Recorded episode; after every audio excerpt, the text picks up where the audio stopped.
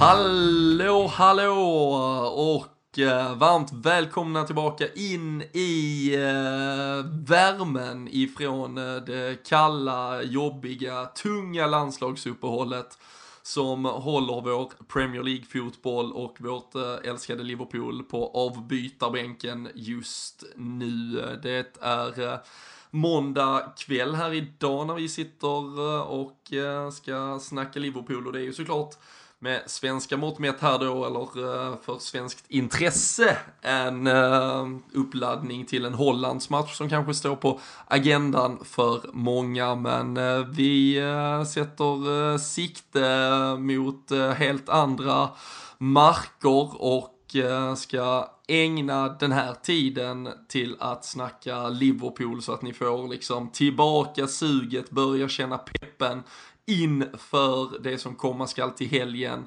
och eh, till råge på allt så kommer vi bjuda på två avsnitt eh, denna veckan. Eh, ett första här och nu där vi kommer snacka Jörgen Klopps tvåårsperiod i Liverpool framförallt och samla upp på annat smått och gott som har hänt de senaste dagarna. Och sen ett dedikerat matchspecial inför Manchester United kommer alltså senare i veckan. Så nej, håll utkik och luta er tillbaka, njut av eh, detta så länge och så vet ni att det helt enkelt kommer ännu mer längre fram. Det är eh, i vanlig ordning också tillsammans med våra kära vänner på LFC.nu, svenska officiella supporterklubben, som vi gör detta. Och eh, idag är det jag då, Robin Bylund, och eh, med mig från eh, Norrköping. Eh, och eh, det var en tid sedan vi satt här tillsammans, Christian Andersson. Ja, det är ett bra tag så faktiskt. Jag har inte varit med på ett tag och du och jag har nog aldrig gjort en eh, duopodd tillsammans faktiskt. Nej, och Tidigare. senast när du var med så var du med med Fredrik själv, så då var inte vi tillsammans heller. Så det, nej det är nog ett tag sedan. Så vi har, vi har säkert mycket att uh, helt enkelt uh, catch up på. Och uh, det lär väl bli så vad, vad det lider under dagens avsnitt. Lite förkylningspåverkade båda två också, men det får vi väl försöka stå ut med i dessa tider helt enkelt. Sent återbud på Fredrik Eidefors också. Han hade det ännu värre helt enkelt. Men, Han var tillbaka i målbrottet. Ja, ja precis. Så, nej uh, för fan. Men eh, vi, eh, vi tuggar på du och jag helt enkelt så ska det nog bli hur bra som helst. Eh, hur har, ska vi börja med hur du har upplevt de senaste veckorna för, för Liverpools del? Det, det var ju ett, då en period mellan två landslagsuppehåll som landade i bara en seger och, och mycket liksom hängande huvuden. Ja, det har inte varit den bästa perioden kan jag inte säga att man har tyckt. Och det känns nästan som att man har försökt lägga den åt sidan lite. För om jag ska vara helt ärlig så känns det som att jag kan knappt komma ihåg vilka matcher det varit. Och det säger väl sig självt då hur, vilket avtryck som de har gjort egentligen. Ehm, men ja, det har inte varit eh, eh, mycket vinst förutom en då, sen mycket oavgjort och så. Och det har inte varit det, det bästa på något sätt egentligen. Så att... Ehm, det har varit en tung period. Det är lite tråkigt att det, när det ändå är fortfarande inledning av säsongen om man ser det så. Nu går vi ju mot eh, vinterperioden men eh, det är också viktigt att hänga på liksom. Hur har du själv upplevt det?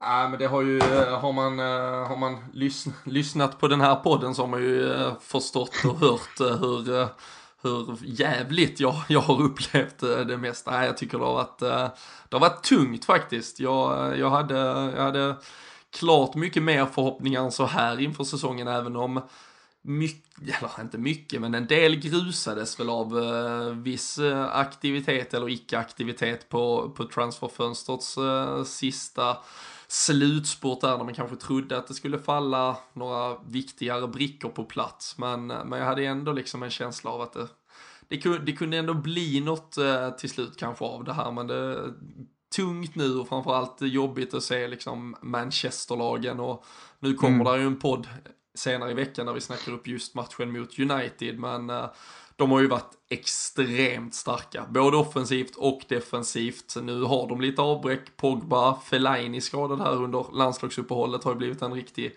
karaktärsspelare för Mourinho. Uh, alltid tung att möta för Liverpool också, brukar vara bra i de matcherna så men eh, nej, så det, det har väl känts tufft att behöva inse återigen så här tidigt på säsongen att den absoluta toppen är, är vi inte med i i år heller. Och eh, där hade man väl åtminstone någonstans i mitten på sommaren en tanke om att det var där vi skulle vara. Ja, jag håller med dig där. För någonstans i och med att vi tog en Champions League-plats, eller kval i alla fall då. Eh, och vi fick den möjligheten så förväntade man sig, och det förväntade mig jag också, liksom en sommar där det skulle vara kanske mer aktivitet.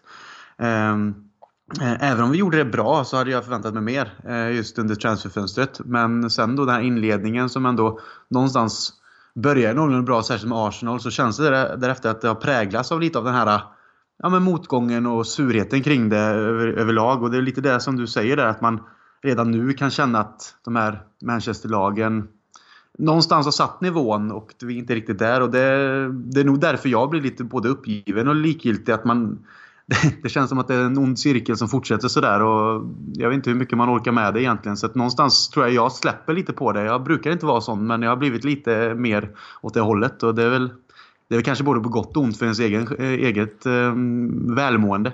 Ja, jag brukar ju eh, referera till att man har blivit ganska luttrad genom åren som supporter. Ja. Och, det, och, det, och det blir ju den känslan som infinner sig igen att okej, okay, det var inte i år heller. ja, det, nej. nej. men vad fan, det finns ändå matcher, det kommer finnas eh, perioder under säsongen som kommer få en upp på liksom eh, stolsryggen igen och sitta och skrika och eh, ja, vilja, vilja, vilja dö eller vad som helst. Det, det, det, kan... brukar väcka känslor. Det kan börja till helgen. Ja, verkligen. Vi säger inte mer än så. Nej, precis. Men eh, vi tänkte ju försöka summera lite eller någonstans eh, köra en liten eh, temperaturkontroll här på Jörgen Klopps första två år i, ti eller, i tiden, i eh, rollen som Liverpool-tränare. Han tillträdde ju den 7 oktober, så det var i lördags. Det var eh, två års jubileum för eh, den eh, karismatiske tysken och ersatte ju då Brendan Rodgers som hade fått gå tre dagar senare till råge på allt, bara en sån sak. Brendan Rodgers fick sparken på kanelbullens dag. Man blir ju fan upprörd över sådana faktum att äh, en dag fylld med så mycket kärlek kunde, kunde innebära en så tung exit för uh, Brendan Rodgers. Men uh, det var ju ett derby mot Everton den gången. Jag tänker vi börjar lite i den änden. Jag skrev en krönika på ämnet också. Brendan Rodgers fick alltså gå efter att han 13-14 nästan hade lett åt sitt ligaguld.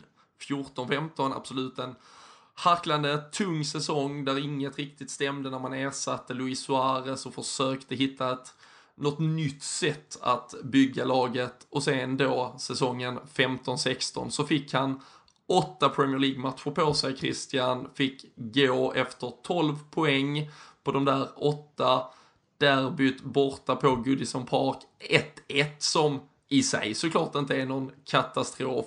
Men eh, där och då tog ändå Fenway Sports Group beslutet att gå vidare. Jag eh, skrev en krönika på ämnet att det känns som att det kanske var rätt, men att tanken där och då måste ha varit att vi skulle ha kommit längre än vad vi har gjort idag. Absolut, det håller jag med dig om. För att eh, jag känner lite likadant att Rodgers hade ju sin supersäsong om man ska kalla det så när vi var nära att vinna guld och sen därefter så gick det egentligen bara sakta men säkert neråt efter att vi tappade Suarez och allt det här då så att eh, Eh, att det gick som det gick eh, var nog oundvikligt egentligen. Det kändes som att det inte gick att vända för Rodgers. Eh, tyvärr på ett sätt. Jag gillar honom liksom ändå. Men jag var ju en av dem också som eh, gladdes åt det här med Klopp då, eh, såklart. Eh, men att eh, Fenway Sports Group tog beslutet att sparka Rodgers efter det derbyt trots 1-1. Det kändes lite som, för jag tror du skrev det i din krönika också, att de hade nog redan beslutat sig att även om vi hade vunnit den matchen så hade det nog inte ändrat på någonting. Ehm, så att det behövdes lite nytt blod och eh, Klopp var ju tillgänglig. Jag tror att eh, med hans andra framgångsrika år då i Dortmund eh, lockade amerikanerna i det här läget och då ville de egentligen få in honom så fort som möjligt i någon annan klubb. Lyckades kanske snuva honom framför näsan på oss. Så jag var ju en av dem som stod i skarorna och hyllade den här äh, värvningen av Klopp som manager och det gör jag väl fortsatt på ett sätt. Men som du säger så tycker jag också att man med facit i hand idag, 24 månader senare, hade förväntat sig att Liverpool hade tagit minst ett par kliv eh, framåt och uppåt. Mm. Och jag håller ju med dig för jag tycker också att det var det som var så järvt trots allt då av det var ju att man kanske i för jag tror, jag är också övertygad, hade inte Jörgen Klopp varit tillgänglig så hade man nog inte tagit det, alltså tagit det beslutet där och då precis på samma sätt, absolut, eller ja, inte precis på samma sätt, men det är också en sån grej som gör till exempel snacket nu om att Jörgen Klopp skulle hänga löst i Liverpool nu till exempel. Det som gör det helt orealistiskt och orimligt är ju att idag finns där ingen annan supertränare. Nu blev Ancelotti ledig, jag såg att någon nämnde det för en tid sedan och sådär. Men, men där är, annars är det ingen liksom annan tränare som skulle gå in och göra Liverpool till ett bättre lag.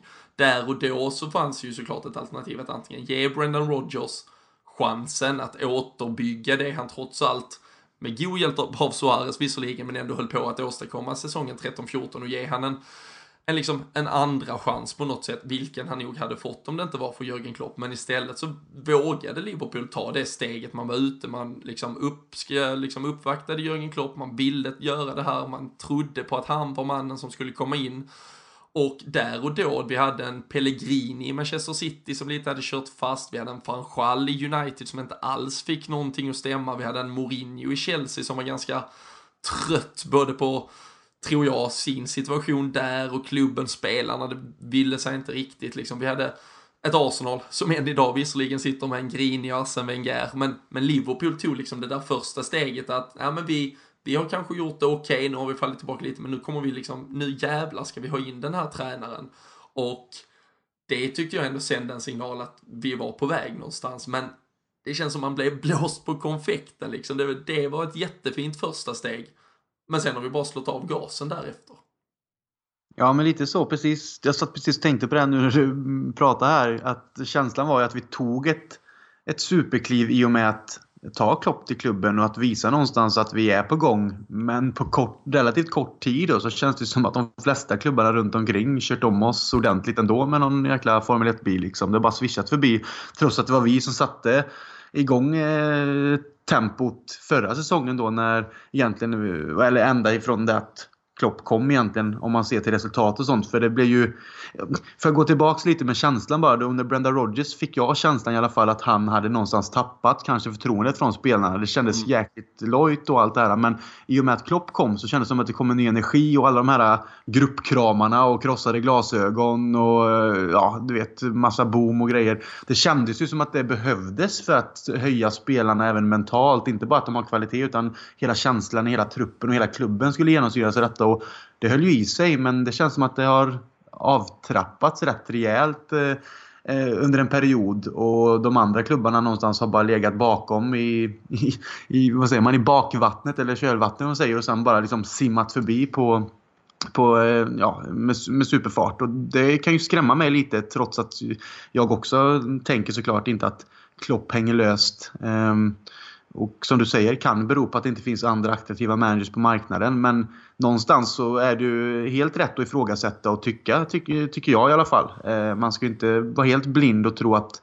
eh, det är liksom guld och gröna skogar just nu. Utan jag ser att Liverpool, i och med den viktiga matchen som komma skall, har ett vägskäl att gå här. Inte att man ska göra sig av med Klopp, men det är viktigt att, att det blir starten på någonting nytt igen. För eh, jag kan se att det kan bli annars farligt sett till hur många konkurrenter som finns i Premier League idag. Så jag är orolig. Det ska jag inte sticka under stolen med. Mm. Vi hade ju också en, eh, en fråga ute här nu i helgen eh, när vi, när vi firade den här tvåårsdagen. Då körde vi ut på vårt Twitterkonto eh, angående hur de här två åren varit och eh, det var väl egentligen inte specifikt. Jag tror väl att de flesta ändå har sparat utifrån Jörgen Klopps liksom hur, hur han har varit, men framförallt också hur tiden då de här två åren har varit totalt sett för Liverpool. Och det är alltså bara 9% som tycker att det, nej, men det har varit över förväntan, det har blivit bättre än vad jag trodde. Och eh, jag är ju lite rädd att de där 9% hade börjat dricka lite tidigt på lördagen där kanske, men 43% tycker att ja, men det har väl varit som väntat ungefär och så 48% är ändå besvikna på hur de här två åren har varit.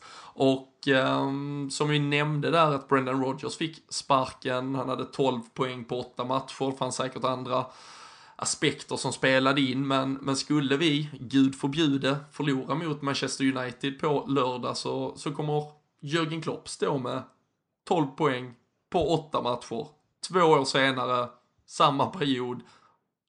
Och kort och gott har vi då helt enkelt inte resultatmässigt åtminstone tagit ett enda steg på vägen. Nej, och det är just det som är skrämmande. För att det är ändå rätt lång tid och han har han har ju liksom eh, fått den tiden som krävs för att komma in i en ny klubb. Jag kan förstå att det precis fungerar nästan likt vilken arbetsplats som helst säkert, även om det är klart är olika nivåer på det. Men det, det krävs ändå tid att komma in kanske i en ny kultur, en ny klubb som genomsyras av en viss kultur. Eh, viss, eh, hur, hur, hur saker och ting sköts och man har nya Eh, ny personal, nya spelare, nya ägare och allting runt omkring sig. Så det tar lite tid. Men jag tyckte att det började så bra. Kändes som att han satte sin prägel rätt fort. Och visst, vi släppte in eh, en del mål, men vi gjorde också massor med mål. Och det var liksom gegenpressing och det var rock'n'roll och det var liksom fart och fläkt och kreativitet. Och någonstans tänkte man att det kanske inte fungerar alltid på det sättet, men det finns någonting att bygga vidare på. Men jag tycker nästan att det någonstans har raserats istället. Vi har fortfarande fart framåt och är grymma i omställningarna. Vi har fruktansvärt duktiga spelare och som vi har diskuterat det här med målgörare och kontraförsvar. Eh, lite, både vi i podden och på andra forum och så. så eh, målen kommer ju trilla in eh, såklart. Men det, liksom, det gäller att vinna matcherna och det gäller att kunna göra de här viktiga målen med. Och, någonstans tycker jag att vi står och stampar fortfarande. Även om det har gått den här tiden. Så som du säger, eh, hamnar vi på samma poäng då så jag har inte tagit några kliv framåt egentligen. För i slutändan handlar det om, om resultaten och inte att man spelar den sexigaste fotbollen. Även om det är en bonus såklart. Mm. Nej, och det, och det är det som känns extremt uh, tungt. Och det, det har ju, alltså där finns ju otroligt mycket positivt att eh, liksom titta på vad gäller vårt sätt att spela fotboll. Det är ju, det är ju extremt enkelt också att liksom älska Klopp som person och människa. Jag har dock aldrig varit liksom på den här extrema nivån som jag kan tycka att vissa tar det till. Liksom, Klopp är ju ganska, ah, han är ju ganska liksom bitter och butchig mot uh, fjärde och allt möjligt också. Han är ju inte bara skön och fantastisk, utan eh, han har ju sin stil, han har liksom, han har ju fattat att mycket av det han gör går hem. Och eh, det, han är ju ganska, jag tror ju själv att han är ganska medveten om vad han liksom, vilken liksom, ja, image han förmedlar och vad han sätter. Han gick ju på en av sina första presskonferenser så kom han i en Beatles-tisha liksom sitta i Liverpool. Ja, det är ju ganska öppet mål att dra in den och få liksom ganska bra viral spridning på det. Han kan gå ut på stan och ta en öl och så här. Men, men det är ju, vi måste ju koka ner det någonstans liksom. Ja, jag vill ju inte ha en Roy Hodgson-typ. Alltså det, det, är ju en bonus att tränaren har någon form av jävla karisma och liksom bidrar med någonting annat. Men vi måste ju ändå försöka sitta och här tycker jag, i alla fall min, min när jag tittar på en tränare och en insats, då är det då är det till slut resultatet som är det viktiga. Det är såklart en helhet som byggs upp av att den här personen kanske har större chans att locka den och den spelaren än någon annan och sånt får man ju väga in men till syvende och sist så är det ju vilket resultat det ger med de där spelarna han då har lyckats locka in och så vidare. Och det är väl också viktigt att förstå att det här med, eller förstå, men att i alla fall ta i beaktning själv och skapa sig en bild av vad långsiktighet är i den moderna fotbollen. För två år som sagt, City har bytt manager, United har bytt manager, Chelsea har bytt manager, Chelsea har vunnit ligan redan. United eller City kommer troligtvis vinna ligan detta år. Så, så på kortare tid så ska man ju tyvärr, och det är pengar det handlar om, men man, man måste ta sig en bit på vägen. För försöker du bygga något på tio års sikt, ja men då kommer både ett City och Chelsea och några andra lag hinna säkert både raseras och byggas upp med både två och tre nya managers och pengar och så vidare. Så det jag tycker Klopp såklart har, har saknat också är ju det där, dels det ekonomiska stödet, men, men han har inte heller även i vissa situationer med truppen han har haft levererat den typen av resultat som liksom ska ta han upp bland, bland de verkligt stora Liverpool-tränarna till exempel. Han övertog en trupp som inte var fantastisk, men den var ju inte heller alltså totalt jävla kattskit, utan han övertog en trupp som de flesta andra Liverpool-managers ungefär har gjort de senaste åren när, när en Benitez tog över, när en, när en Kenny tog över, när ja, Roy tog över så lyckades han ju förstöra den själv och så vidare. Men, men det, ja, han, han har ju köpt sig några pluspoäng tror jag genom att vara den han är, men resultatmässigt saknas det trots allt ett belägg för att verkligen hylla honom om man vill göra det. Hans vinstprocent kan vi titta på också som är alltså bara 49,5 procent. Och det är alltså sämre än Hulier, sämre än Benitez, sämre än Rodgers till och med. Och de kom också in i perioder där de ärvde lag som inte var så himla bra och så vidare. Sen kan man ju tycka vad man vill om två år är tillräckligt liksom sample size, om det är tillräckligt mycket att bedöma. Men, men jag tror i den moderna fotbollen idag så måste du nog ha skaffat dig ett och levererat ett resultat på ungefär två år innan det kommer börja liksom knorras lite. Och jag tror att Jörgen Klopp visste om vad han gav sig in på vad gäller FSGs sätt att leda en fotbollsklubb. För annars tror jag nästan att han hade avgått självmant om allt det här som har gått ut i media kring två miljarder hit och dit, att det skulle finnas någon sanning i det. För han måste vara ganska, han kan inte vara extremt missnöjd med hur ägarna har skött det, för då tror jag han hade klivit av. Så han har ju vetat projektet och då tycker jag väl kanske att man här någonstans borde förväntat sig mer än vad vi har. Ja, och sen tror jag någonstans att han gillar projektet. Ja, alltså någonstans tror jag att Klopp tycker om den här typen av utmaningar och att han får liksom en trupp att förvalta. Men någonstans, det som skrämmer mig då är ju att han kanske inte riktigt har verktygen att faktiskt förbättra spelare på vissa positioner. Vi har ju pratat försvarslinjen så att vi kan liksom bli helt blåa i ansiktet i den här podden. Liksom. Men en managers uppgift är ju någonstans tillsammans med sin stab såklart. För man har ju olika ledare inom olika områden i dagens toppfotboll. Eh, eh, så att säga. Och det har du ju nästan i all, alla nivåer av fotboll också idag. Men som inriktar sig kanske mer fokus på vissa delar. Men han har ju inte lyckats förbättra de här delarna. Och det vi pratade om då när du nämnde Benitez nu. Benitez tog ju över en, en rätt medioker trupp som han lyckades både förbättra men ändå jobba med en trupp som inte blev kanske de här värvningarna som han eh, hade hoppats på eh, eh, från början. Och det har ju mycket som sagt med de ägarna vi hade då, den ekonomiska, de ekonomiska förutsättningar som fanns också såklart. Men han lyckades ju ändå förbättra resultaten och säga vad man vill då om miraklet i Istanbul. Men med den truppen går vinna Champions League sett till hur många oerhört duktiga lag det fanns ute i Europa då. Och, och det Milan till exempel som vi slog i finalen. Man ser ju ja, liksom... Alltså det Milan-laget är ju helt vissa. Alltså det är ju, ja, ja, det är ju ett Barcelona, Real Madrid Ja, och Chelsea som också... Mått. Ja, och Chelsea då i semifinalen, de här, det laget, de, de var ju helt också outstanding liksom egentligen. Och, Eh, vi mötte ändå Juventus med Zlatan och, och Del Piero och det var Nedved. Så det, vi mötte Leverkusen. Visst, man ska ha lite tur också. Men Benitez lyckades förbättra med en rätt så medioker trupp. Och det är där jag kan tycka skillnaden är. Att man kan ta en trupp och göra dem bättre, som de spelarna som är. Man behöver inte alltid värva in massor. Man värvar in någon stöttespelare hit och dit som förbättrar truppen eller, eller startelvan. Men du kan även förbättra de du redan har. Och där det stora ligger hos en en tränare tycker jag. Att du kan se egenskaper hos spelare. De här måste vi slipa på och det här kommer han kunna utveckla.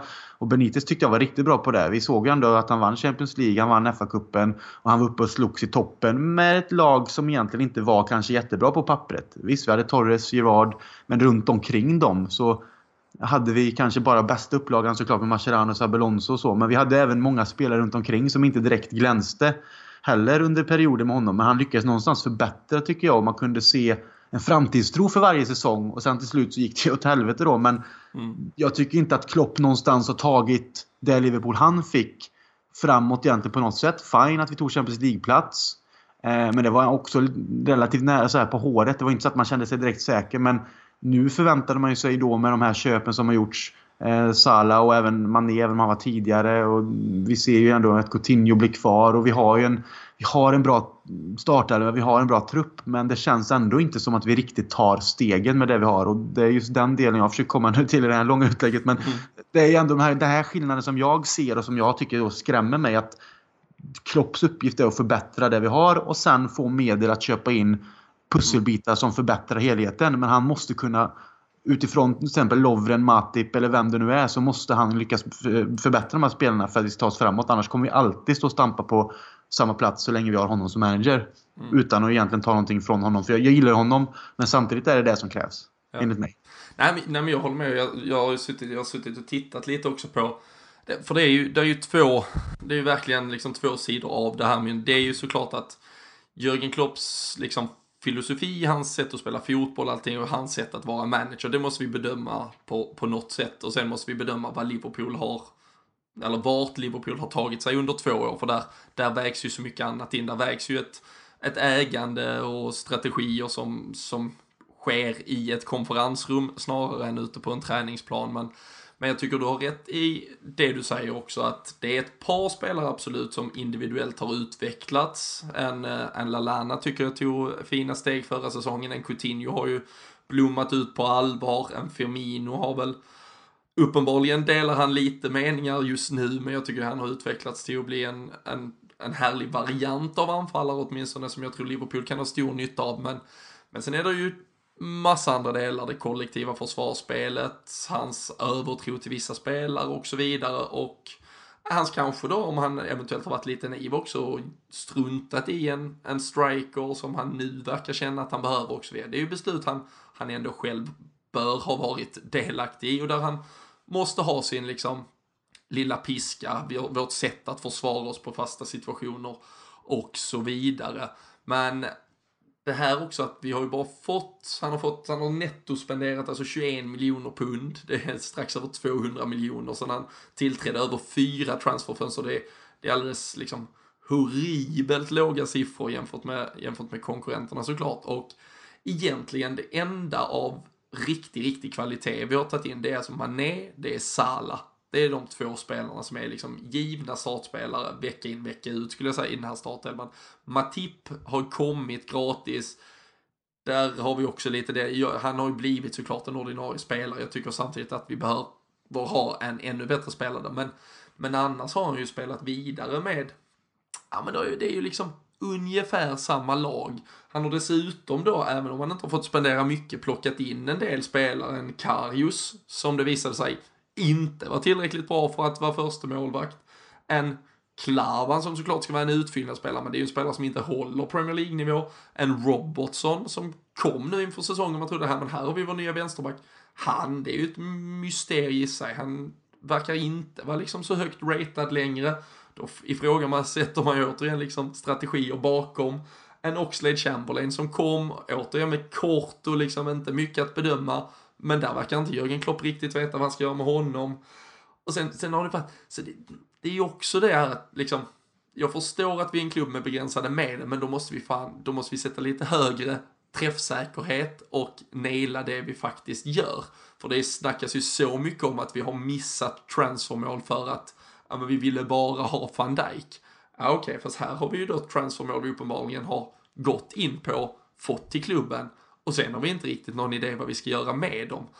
Så det är återigen något annat, liksom, litet mysterie kring det som är dagens Liverpool tycker jag, det som då Jörgen Klopp ah, borde ha gjort bättre enligt mig med, eh, med tanke på att vi har limiterade resurser men då måste vi ju såklart se till att att de används på, på rätt sätt. Och eh, vi får ju hoppas att det är spelare i den här eh, ja, listan jag nämnde som kan få utväxling framåt. Och eh, nu har vi ju dessutom en tuff situation tror jag med en Emre Can vars kontrakt går ut och eh, det skulle ju vara ett, ett slag i magen tror jag på Jörgen Klopp och på föreningen om han inte väljer, för han är ju en spelare som har fått extremt mycket förtroende av Klopp, men kanske nu inte väljer att att stanna.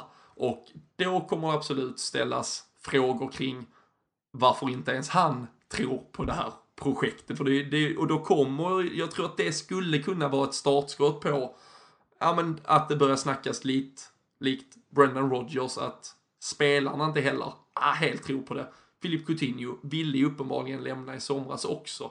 Så det är ju det är lite oroande signaler också känner jag som, som supporter när spelarna har, har den attityden. Ja, så är det ju. När man pratar Chan så det, så det är en väldigt svår situation. Nu har han fått mycket förtroende den här säsongen och nu gjorde han ju ett, eh, ett riktigt grymt klassmål nu för Tyskland då. Um, han har ju, högerslägga. Ja, men han har, han, han har ju liksom alla egentligen attribut liksom för att vara en riktigt bra mittfältspelare. Han är liksom stor och stark, han har en fot, han kan skjuta. Alltså, han har egentligen samma attribut. Jag jämför honom inte med Gerard, men man kan fortfarande se det i honom. Just de här bryta fram, bra passningsfot, kan skjuta långt utifrån.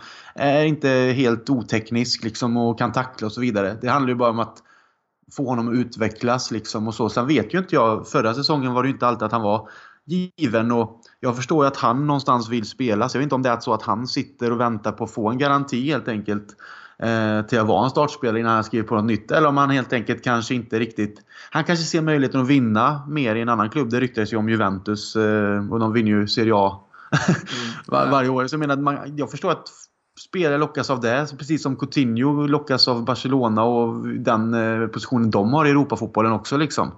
Um, och det är lite det som är det sorgliga. Att vi, vi, I och med det så får vi aldrig kanske chansen att bygga upp lag som verkligen, verkligen kan utmana. För det faller alltid bort spelare som vi faktiskt behöver bygga vidare runt. Liksom. Och det har vi egentligen sett hända under ja, 10-15 år, om inte mer snart. Så tycker jag att det, Liverpool har alltid präglats av det att det faller bort de stora spelarna när vi väl håller på att bygga upp. Och i och med det så raseras det och så får vi börja om igen för att majoriteten av spelarna inte håller den klassen som krävs för att kunna ersätta de platserna som förloras då. Och det är där jag tycker det, är, alltså för det som, det som då folk som ändå liksom ställer sig på liksom barrikaderna och försvarar eh, Jörgen Klopp och liksom visar att ja men sitt ner i båten, vi ska tro på honom. Fine, absolut, jag förstår att hans fördel som manager, hans liksom stora USP bör vara att han kan bygga ett projekt lite långsiktigt. Men beviset kommer ju komma här att om inte ens han heller kan övertala en Coutinho att stanna, övertala en Emre Can att stanna, ja men då har han ju inte heller den uspen för då kommer han aldrig i den moderna fotbollen, så som den ser ut idag, kunna bygga något långsiktigt heller. Utan då liksom det, så här, det är sista tränaren på listan nu liksom som, ah, okej, okay, det går fan inte att bygga långsiktigt i den här moderna fotbollen. Och då måste vi någonstans bestämma oss för, okej, okay, vill vi ha en tränare som är liksom karismatisk, skön, det är nice. Men jag tror att det vi kommer få nöja oss med är att vår bästa spelare lämnar vart tredje år.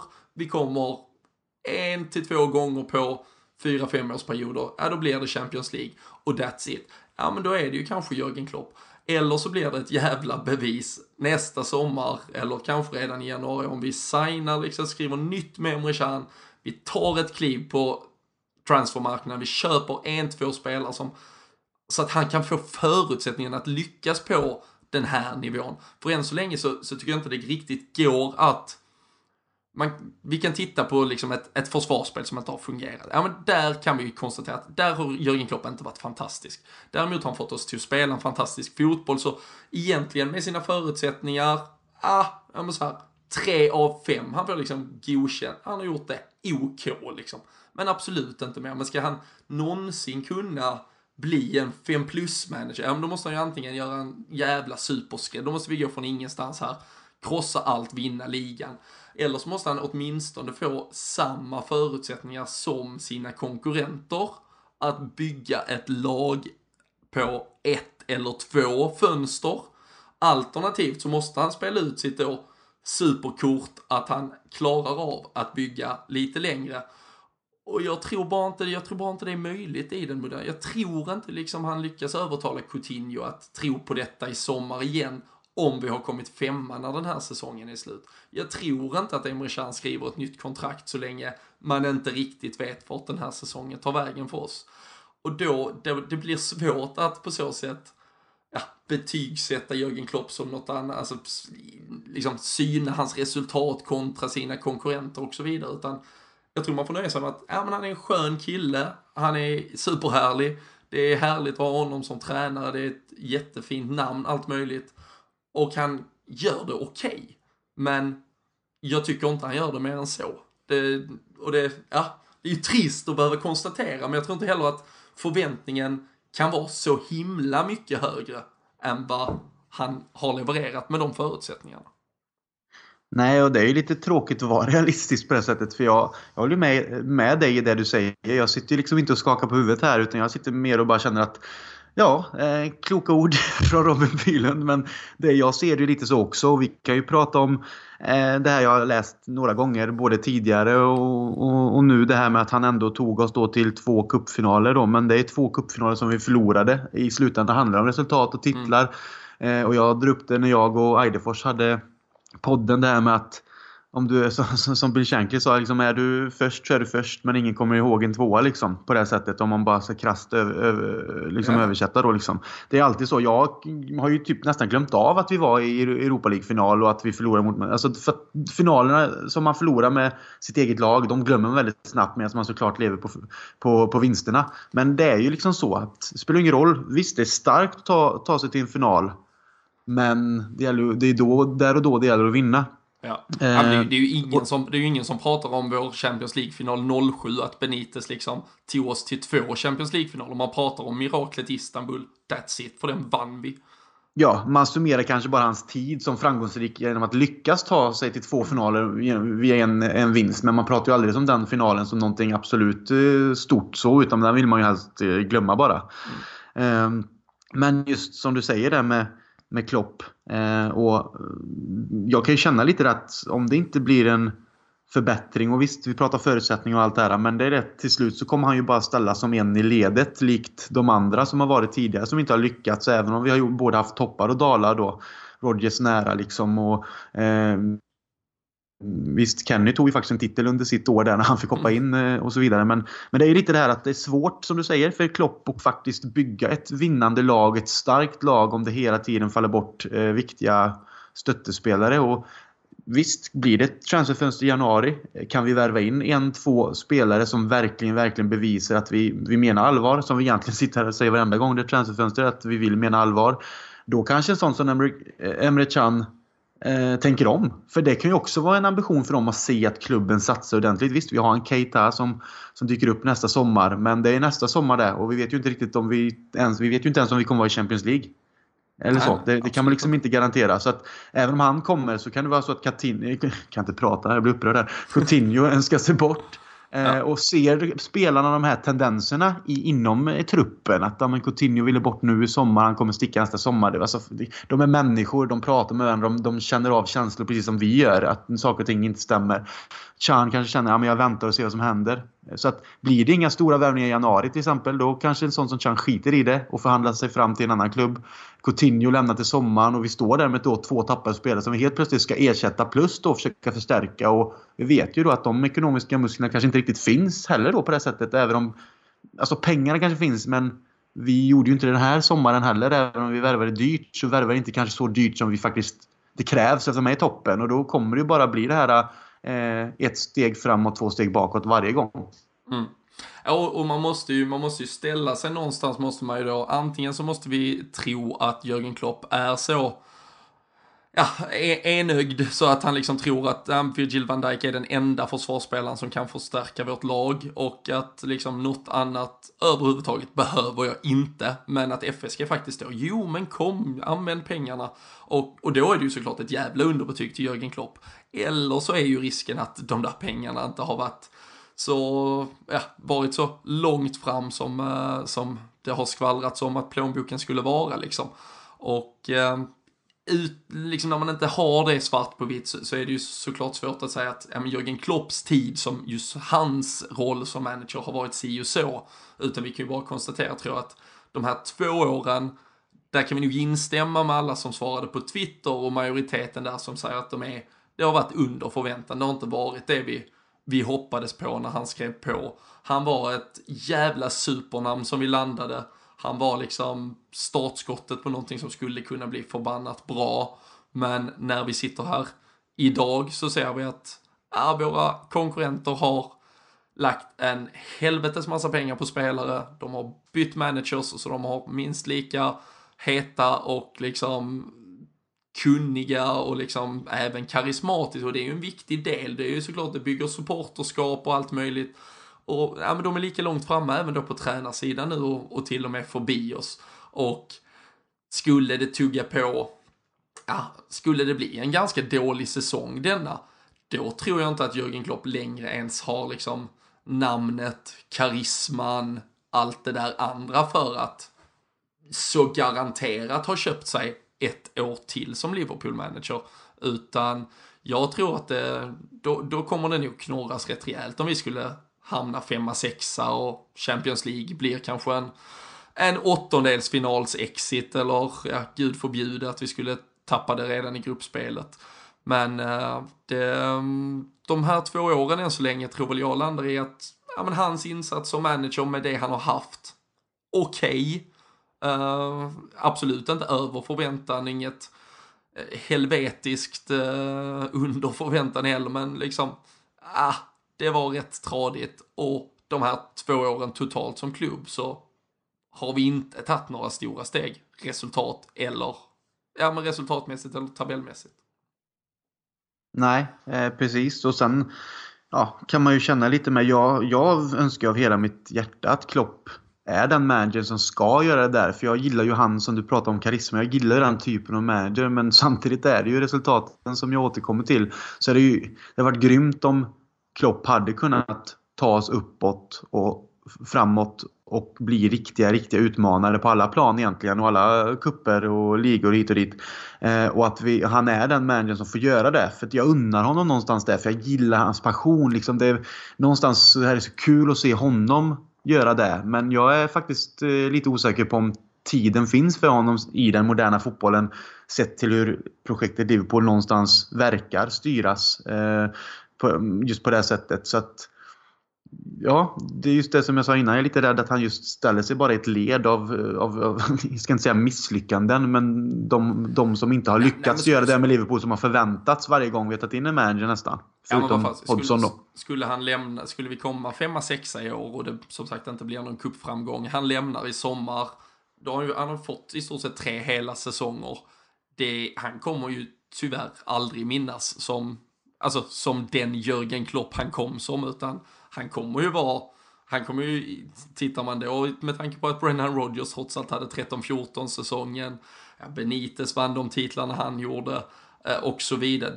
Han kommer ju absolut inte ens vara i to- alltså nämnas som en av dem. Alltså han, han har ju inte gjort sig förtjänt av på så sätt att som Liverpool-tränare nämnas som en av de stora. Uh, inte ens i nutid egentligen.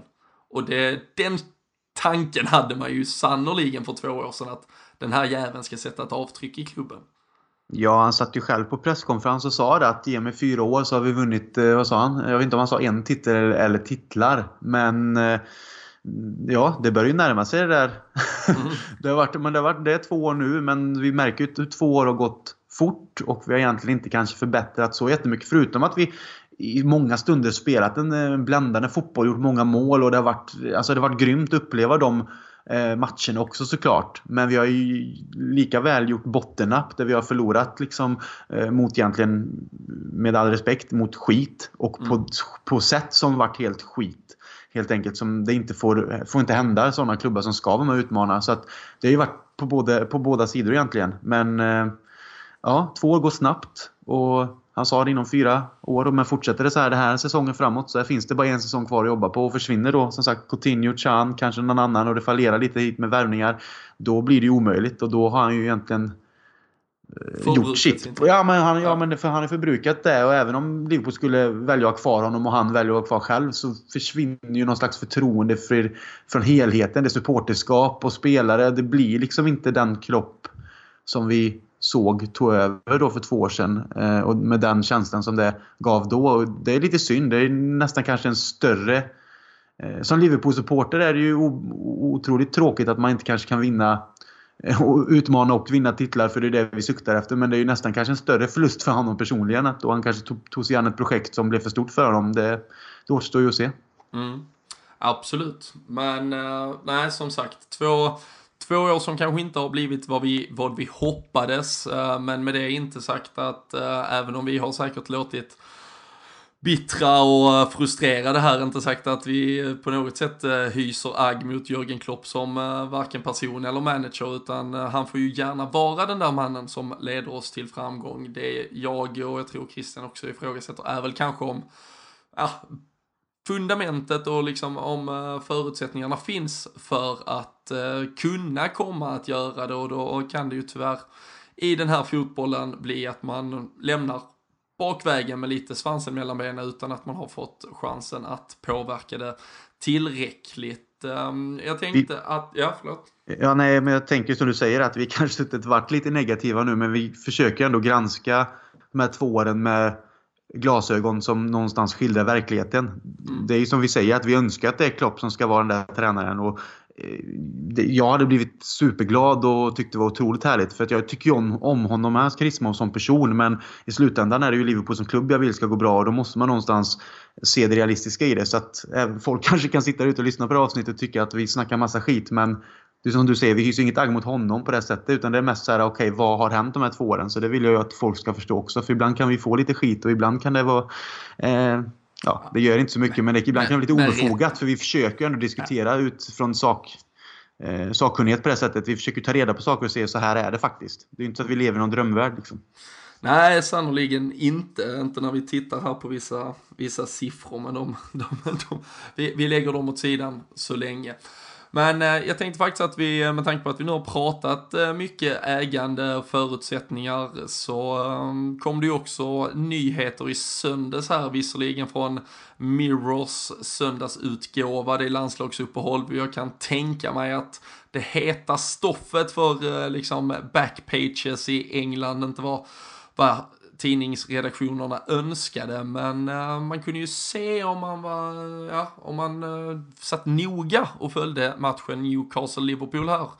Innan uppehållet så zoomades ju in en eh, affärskvinna mitt under matchen där, Amanda Stavely heter hon och hon driver ju firman PCP Capital Partners eh, kontakter i framförallt Mellanöstern och Asien och snabbt där eh, under matchen efter matchen så um, sipprade ut att hon kanske var där för att diskutera ett eventuellt köp av just Newcastle. Men Sunday Mirror nu då gick i uh, går ut och slog på trumman att det snarare gällde ett eventuellt uppköp av Liverpool. Eh, hon har tidigare varit eh, med och företrätt intressenter eh, redan 2007 faktiskt innan dåvarande styrelsen i Liverpool valde att släppa till för ett bud från George Gillette och Tom Hicks istället. Mycket mycket tragiskt tyvärr. Eh,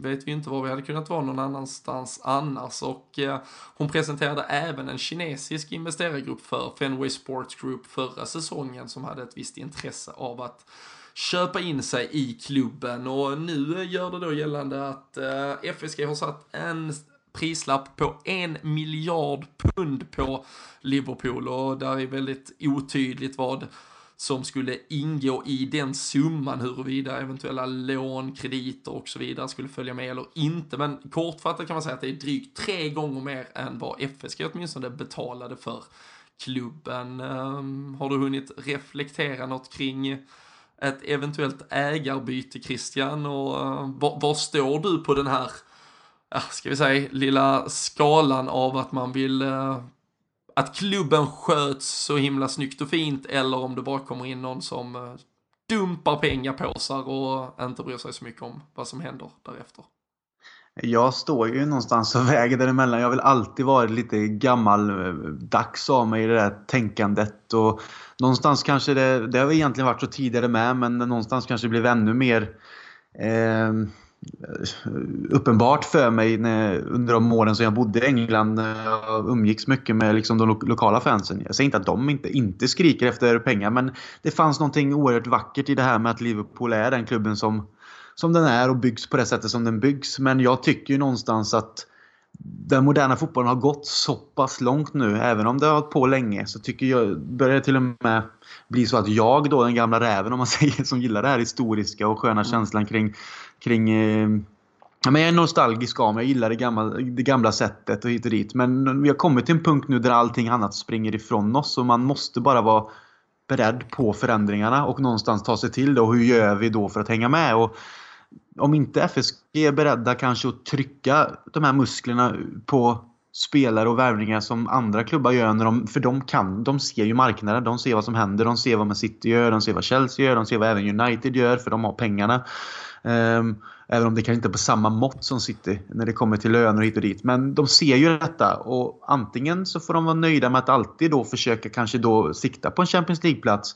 Eller vill man vara med uppe i toppen och verkligen, verkligen slåss så måste man spänna musklerna rejält och jag vet inte om de är beredda att göra det. Så att jag gillar ändå hur de sköter det men jag skulle nog i dagsläget skulle jag nog tycka att det fanns en viss... Ja, jag har svårt för att säga det men det skulle inte... Det skulle inte göra mig ledsen om det kom in eh, någon som verkligen har de här musklerna till att, till att bygga en riktig stormakt av oss. Jag har nog kommit förbi den där tröskeln. Oh, ja, ja det, det, har jag gjort för länge sedan. Jag har sparkat ja, in hela, hela jävla dörren.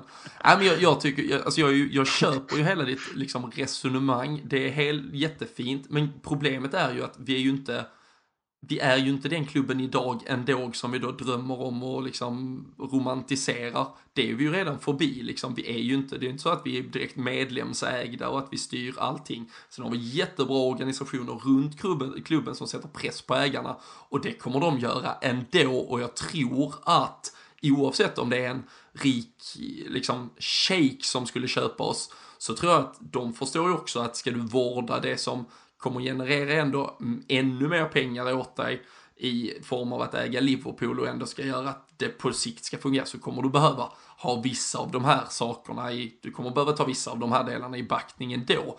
Så jag tycker lite det blir naivt att prata om, om vår nuvarande ägare som att det här är den liksom romantiska lösningen på hur en klubb ska skötas och det här är en klubb som tillhör fansen och så vidare. För det är det ju inte, vi är ju redan i händerna på några jävla affärsmän som köpte klubben i ett konkursläge för att den var undervärderad och asbillig. De har tjänat snuskigt mycket på att driva klubben, de har belånat klubben utifrån sina egna medel som gör att de tjänar ännu mer på att liksom fortsätta driva oss egentligen.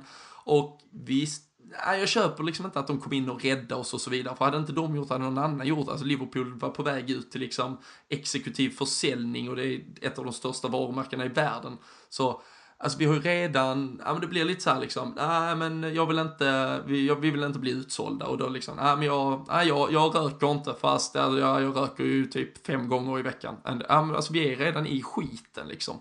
Vi, vi är redan en av de här klubbarna som ägs av någon rik investerare. Bara det att vår investerare är inte lika rik och inte lika benägen att liksom göra allt för att vinna utan de ser det mer som ett affärsprojekt som ska rulla in löpande pengar medan ja, de andra, de här som också vill köpa det för att bara köpa det, ja, de vill göra det för att vinna saker så jag, jag är ju extremt för en försäljning till någon som har ett intresse av att ta Liverpool upp till den absoluta toppen.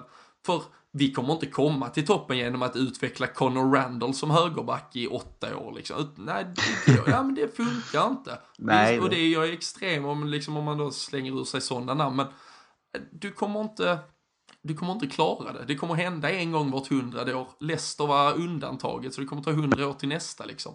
Och eh, jag hoppas verkligen att vi får under tiden Jörgen Klopp är i klubben, under tiden vi fortfarande har en Filip Coutinho i klubben, får ekonomiska medel att addera fyra, fem spelare och sätta ner foten och fan bara springa hem en Premier League-titel. För det, det, är ju det är, fan, det är vad vi alla förtjänar.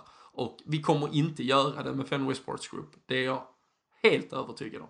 Det är, och det är det slutändan som vi suttit och väntat på i så många år nu och det är ju vinnarna i Premier League och särskilt med den konkurrensen som är idag. Då, som du säger, då måste man ha medel till det för det kommer aldrig hända annars. För de andra klubbarna de köper ju upp eh, ja, nästan till det bästa som finns på marknaden. Eh, vi ser ju City hur de värvar till exempel. Och United har ju alltid haft pengar men de värvar in en Lukaku och en Matic som båda liksom någonstans blir stora stöttespelare i ett lag som redan liksom har bra spelare runt omkring på andra positioner med Pogba, Mkhitaryan och de här. Och vi ser vilken skillnad de gör. Och det gäller att hitta de här rätt liksom. Men eh, ja, det... Ja, jag, jag, är lite, jag lever ju kvar i en sån här romantisk värld men någonstans så förstår jag att det, det är det som måste ske för att man ska få uppleva Liverpool vinna Premier League under ens livstid om de inte gör en Leicester som du säger, vilket kan ta 100 år. Och någonstans har jag ju ja, sen tidigare släppt den där tanken, precis som du, som du nämner. Jag, har inte, jag sitter fortfarande inte här och tänker att nej, men jag vill att Liverpool ska vara det gamla Liverpool. Men det är ju någonting vackert i det och jag mår ju bra av det, men i slutändan så handlar det ju faktiskt om att ta de här titlarna. Och ska man göra det i den moderna fotbollen så måste man hänga med på det som alla andra gör, annars så är det ju skitsamma. Ja, ja, ja men precis. Alltså, vi, och man, man tar, alltså, är, man, måste, man måste anpassa, alltså, det är survival of the fittest. Man, man måste, alltså det är så här, vad ska vi säga, ja men vår målvakt, han kör utan målvaktshandskar för det gjorde de förr. Det var nice liksom. Eller vi spelar i slitna Coppa Mundial allihopa. Vi ska inte ha några bättre dojor liksom. Utan vi, ja, jag tror man måste, jag tror bara man måste lägga sig platt, acceptera läget. Och vad gäller just ägarfrågan så menar jag ju på att vi redan har gjort det. Vi har redan liksom, vi är redan en del av den här cirkusen. Bara det att våra ägare inte är så jävla bra och helt enkelt behöver bytas ut. Men med de orden, med en summering av Jörgen Klopps två år, en temperaturmätare på hur det ligger till i Liverpool idag, vad som kanske kommer hända på ägarfronten framåt, så summerar vi veckans första av två avsnitt och eh, flaggar som sagt för att vi är tillbaka igen senare på veckan. Torsdag kan ni sätta ett preliminärt litet kryss i kalendern för att eh, ladda upp inför United-matchen som är på lördag. Då kommer LFC-podden troligtvis tillbaka igen. Men eh, häng med oss på våra sociala kanaler, Twitter, Facebook, Instagram så missar ni inget som händer. Gör er röst hörd också. Vad tycker ni om vår uh, analys? Är det så att vi undervärderar Jörgen Klopp? Har vi varit för taskiga här? Har vi rätt eller fel i detta? det kanske behövts nya ägare? Gör, uh, ja, gör er röst hörd också, så kliv in i debatten. Men uh, tills vi hörs igen så uh, får ni ha det riktigt, riktigt gott. Tack så mycket Krill också. Tack, tack.